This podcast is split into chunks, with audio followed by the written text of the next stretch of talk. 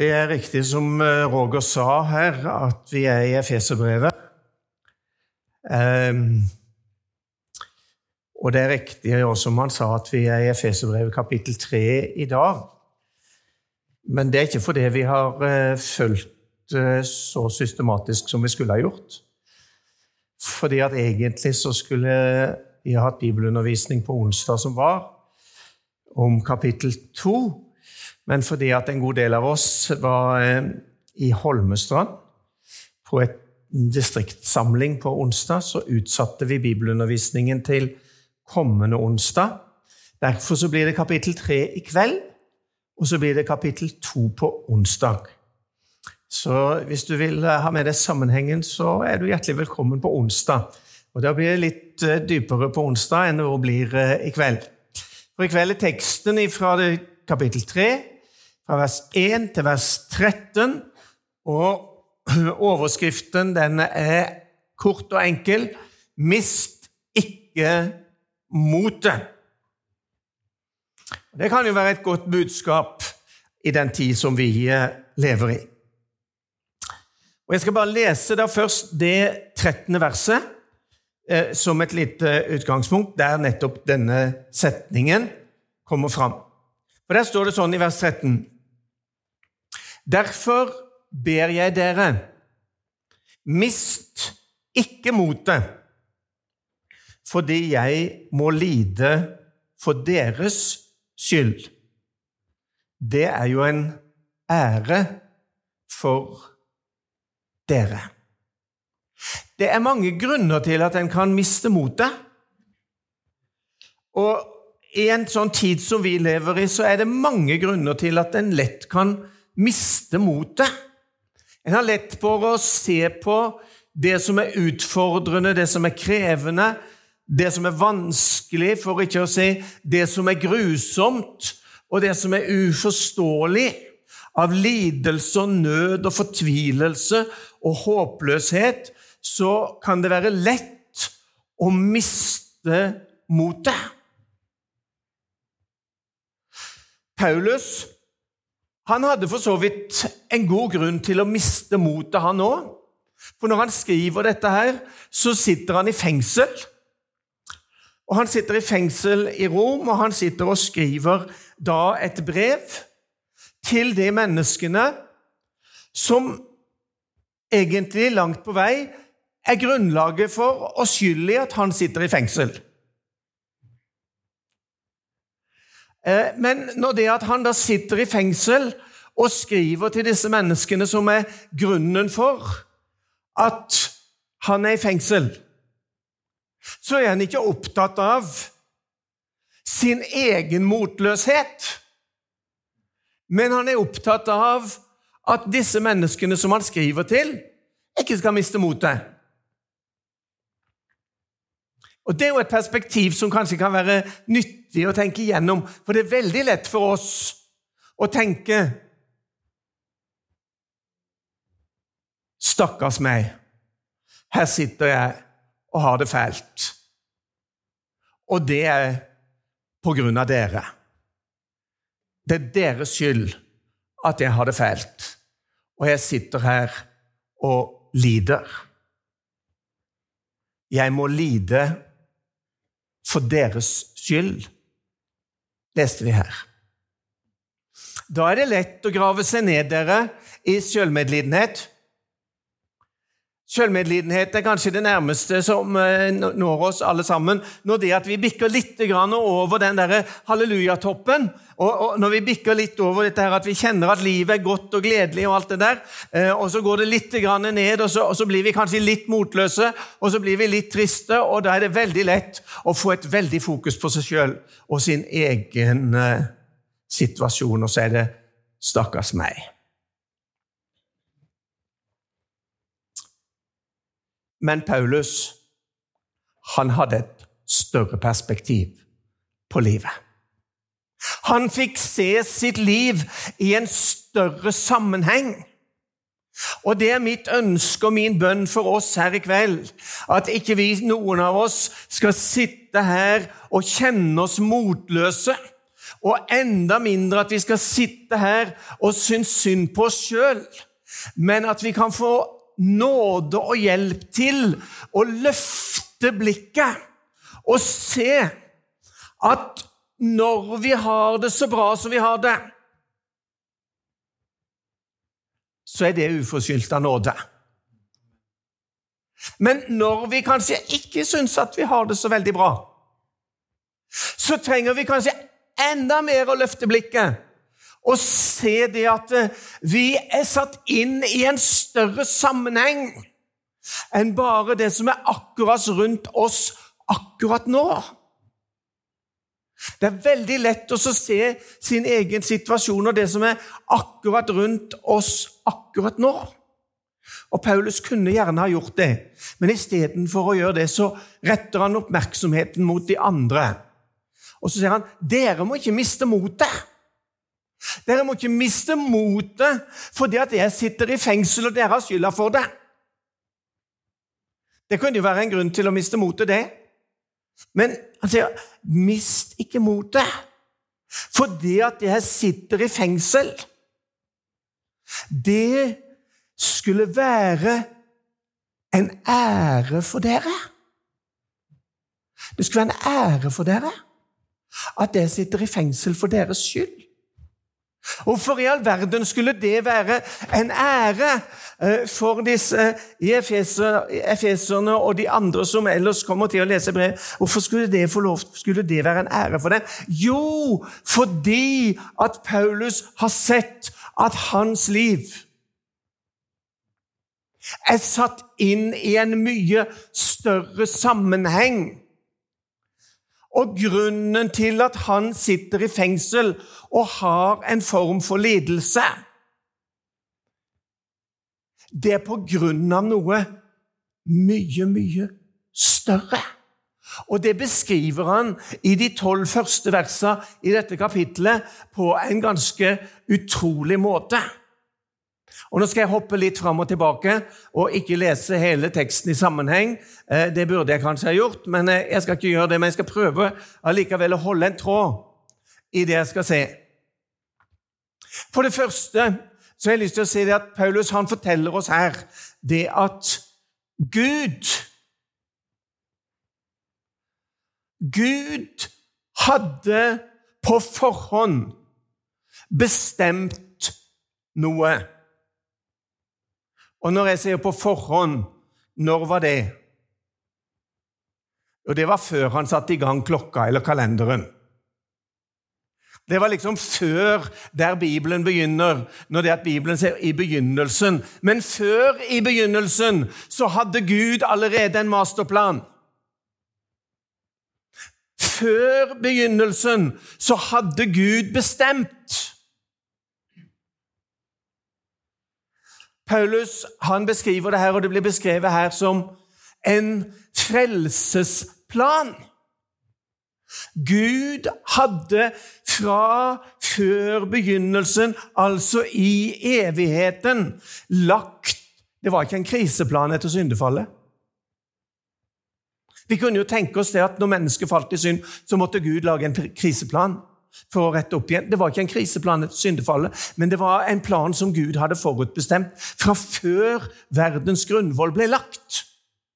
Altså, Før noe var skapt, og før noe var skjedd, så hadde Gud lagt en plan. Og så forteller Paulus i det avsnittet eh, som jeg jo på det sterkeste anbefaler deg å lese i sin sammenheng. Så sier han for det første altså Gud hadde forutbestemt og Gud hadde lagt en plan, men den planen hadde Gud holdt hemmelig. Igjennom generasjoner så holdt Gud sin plan hemmelig. Og Hvorfor han gjorde det, det kan ikke jeg gi noe veldig godt svar på akkurat nå. Men han gjorde iallfall det. Det ligger der, og Bibelen beskriver det som, som, som, en hemmelighet, eller som det står i denne oversettelsen her, som et mysterium. Og Gud han er jo på mange måter et mysterium. Jeg har sagt det mange ganger at uh, hadde vi forstått Gud, så hadde ikke Gud vært Gud. Altså, Vi vil jo så fryktelig gjerne forstå. ikke sant? Vi vil, vi vil, at alt skal gå opp i logikk og forstand og alt det der. Men hadde vi forstått Gud, så hadde ikke Gud vært Gud. Så, så, så det guddommelige, det er langt på vei et mysterium. Men så forteller Paulus, han som sitter i fengsel i Rom, så sier han det at Men nå har Gud åpenbart eller vist eller fortalt. Han har fortalt meg hemmeligheten. Den som mange generasjoner foran hadde lyst til å, å, også få se inn i og få, få del i. Og, og, Peter han sier til og med det at englene i himmelen hadde lyst til å se inn i dette her og skjønne det. Men ikke engang englene i himmelen fikk se inn i denne Guds store plan. Men nå, Paulus Han har fått sett inn i Guds store mysterium, inn i Guds store plan. Guds frelsesplan.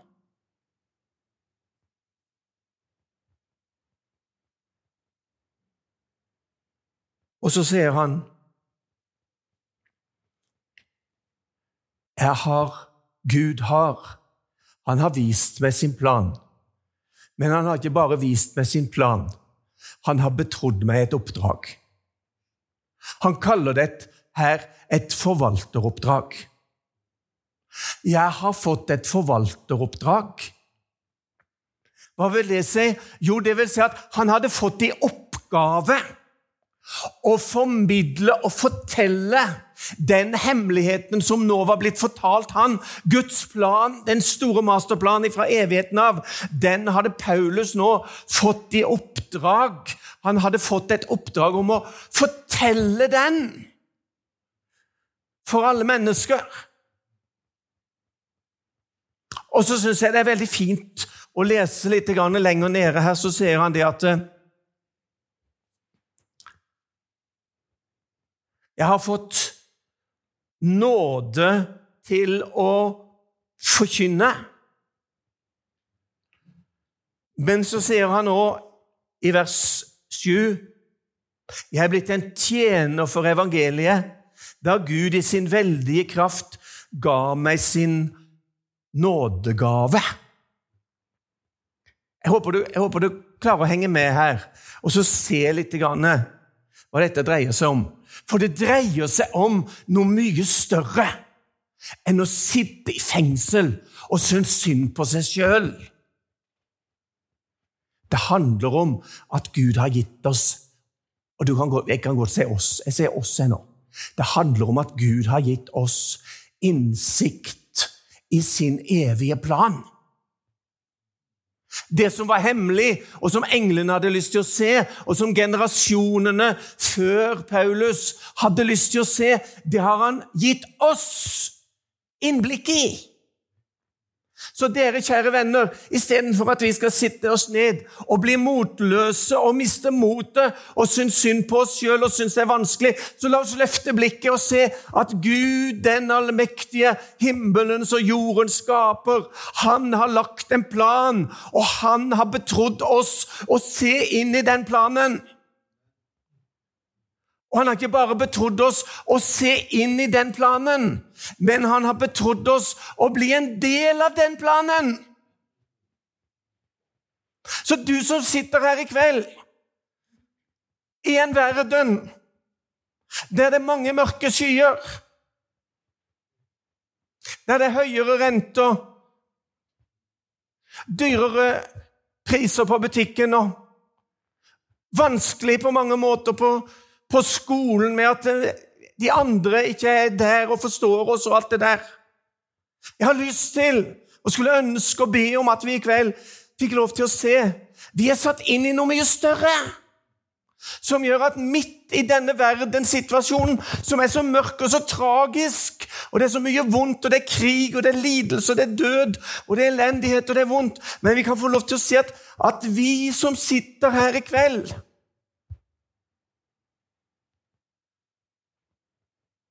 helt små, alminnelige, vanlige mennesker.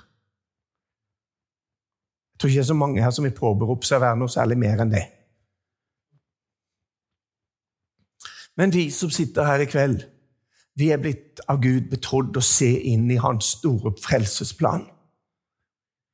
Vi har fått et blikk inn i Guds store frelsesplan. Og så har vi ikke bare fått et blikk inn i Guds store frelsesplan, men så har han sagt du er en del av den.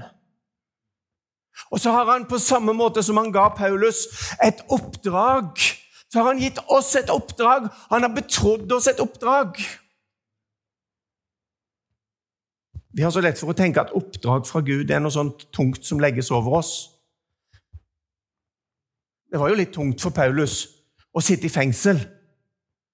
Men han sier, 'Mist ikke motet fordi jeg sitter i fengsel, for det er bare en ære.'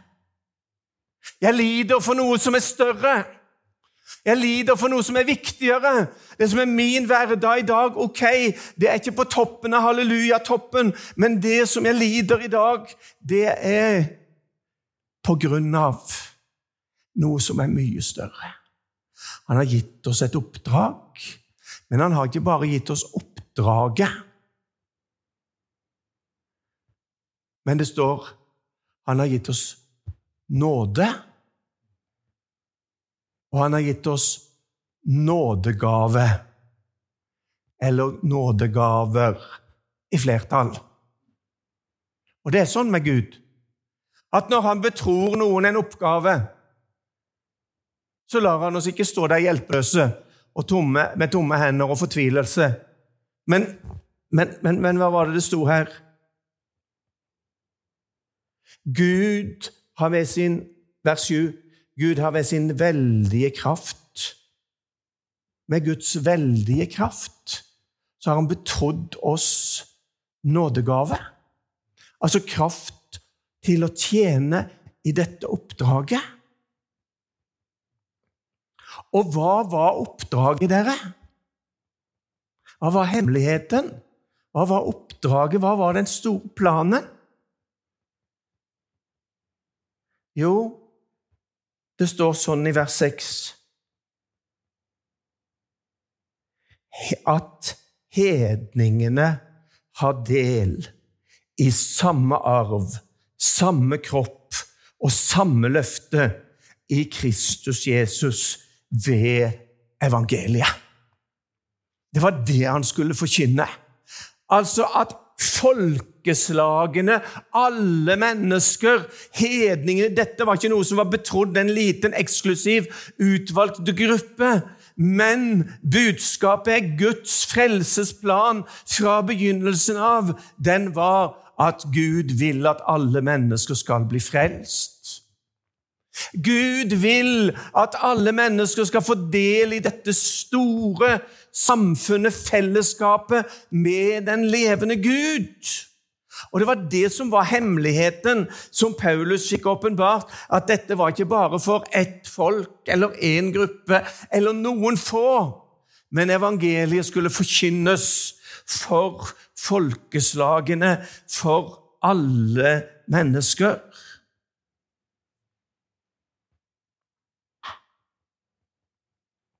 Hedningene hører med. Og så syns Paulus Ja, men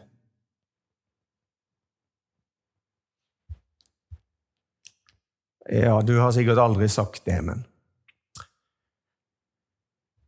Det er veldig lett når vi kjenner at Gud han gir oss et oppdrag og kaller på hjertene våre. Så er det lett for å si ja, men hvem er jeg? Og Paulus han drar det så langt at han sier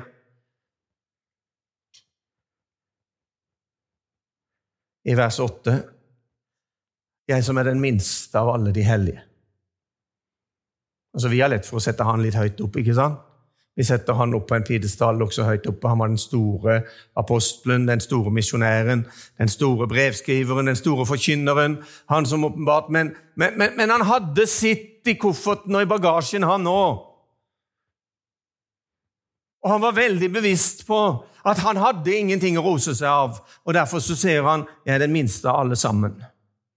Men jeg har fått nåde å forkynne det gode budskapet om Kristi uransakelige rikdom for hedningene.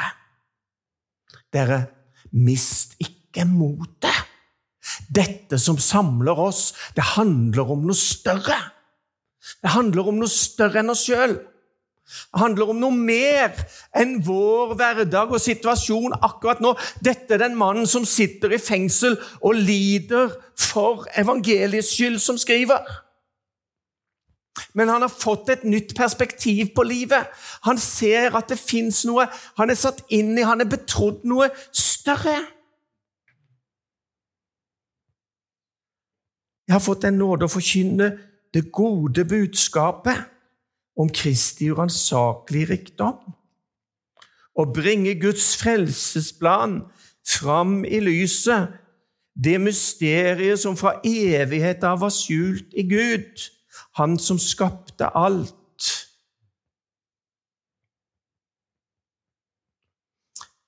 Og så hør nå Prøv å få med deg vers 10 her nå. Bare for å løfte perspektivet enda litt hakk. Men så sier han dette oppdraget har jeg fått. Dette oppdraget har dere fått. Hvorfor det? For at hans mangfoldige visdom skulle bli kunngjort gjennom Kirken for maktene og åndskreftene i himmelrommet etter Guds evige forsett, Han som nå har fullført alt i Kristus Jesus vår Herre. Gjennom Kirken, menigheten. Hvem er det? Det er ikke pastor, og det er ikke eldsteråd, men det er du og meg. Og Da er pastor og eldsteråd heldigvis inkludert i det. Men det er ikke eksklusivt noen, men det er de som tror på Jesus. Som har fått del i dette budskapet, som har fått sett inn i Guds store plan. De skal få lov til å være med og løfte fram Guds mangfoldige visdom. Det skal kunngjøres gjennom menigheten. For hvem? For alle folk i Drammen? Ja, gjerne det òg. Men først og fremst så tar han her tak i det som kanskje skremmer oss mest. Han skriver om makten og myndigheten i himmelrommet. Altså det som vi ofte ser på som vår åndelige motstand, og som kanskje vil trykke oss ned aller mest. Men når denne hemmeligheten er blitt synlig og virkeliggjort i menigheten, så er det et budskap som ryster åndeverdenen. Fordi at gjennom oss, og at ikke vi mister motet, men løfter frimodig seiersmerke i vår Guds navn, så rystes makter og myndigheter. Og vet, det er et folk som er frigjort og forløst og har opplevd og tatt imot seieren i Jesus Kristus.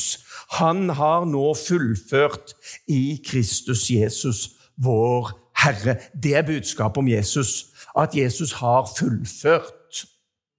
Ikke så mange alltid som klarer å fullføre, og iallfall ikke fullføre med et sånt utgangspunkt som en hadde håpa og gjerne vilt. Men når Gud legger en plan, så fullfører han. Så fullfører han til punkt og prikke og til fullkommenhet. Og Gud har fullført sin plan. Mist ikke motet, fordi jeg må lide for deres skyld. Det er jo en ære. Det er en ære at jeg får lov til å være den jeg er, der jeg er. Men til slutt litt personlig Jeg vet ikke hvordan du har det akkurat nå. Men du har grunn til å løfte blikket og se storheten. Men når det er du kanskje er litt motløs og har det litt vanskelig, så er det ikke alltid så lett å løfte blikket og se det som er perspektivet, som er større. Derfor syns jeg det er veldig fint når det står i vers 12 I Han har vi frimodighet, og i troen på Han kan vi komme fram for Gud med tillit. Altså, i den situasjonen som du er akkurat nå, så trenger du ikke miste motet. Mange grunner til det, men en av grunnene til det som her er beskrevet I Kristus Jesus og i troen på Han, så kan du komme fram for Gud med tillit. Og det vet vi som er her i kveld. Ikke sant? Det har vi hørt. Det har vi fortalt hverandre. Det har vi forkynt. Det har vi levd i. Det har vi trodd på. Men jeg minner oss om det enda en gang i kveld. Mist ikke motet, men la i alle ting dine bønner og begjæringer og alt du har å be om, komme fram for Gud i påkallelse og bønn med takk. Og Guds fred, som overgår all forstand, skal bevare ditt hjerte og din tanke i Kristus Jesus. Men midt i det, husk, du er satt inn i noe mye større. Amen.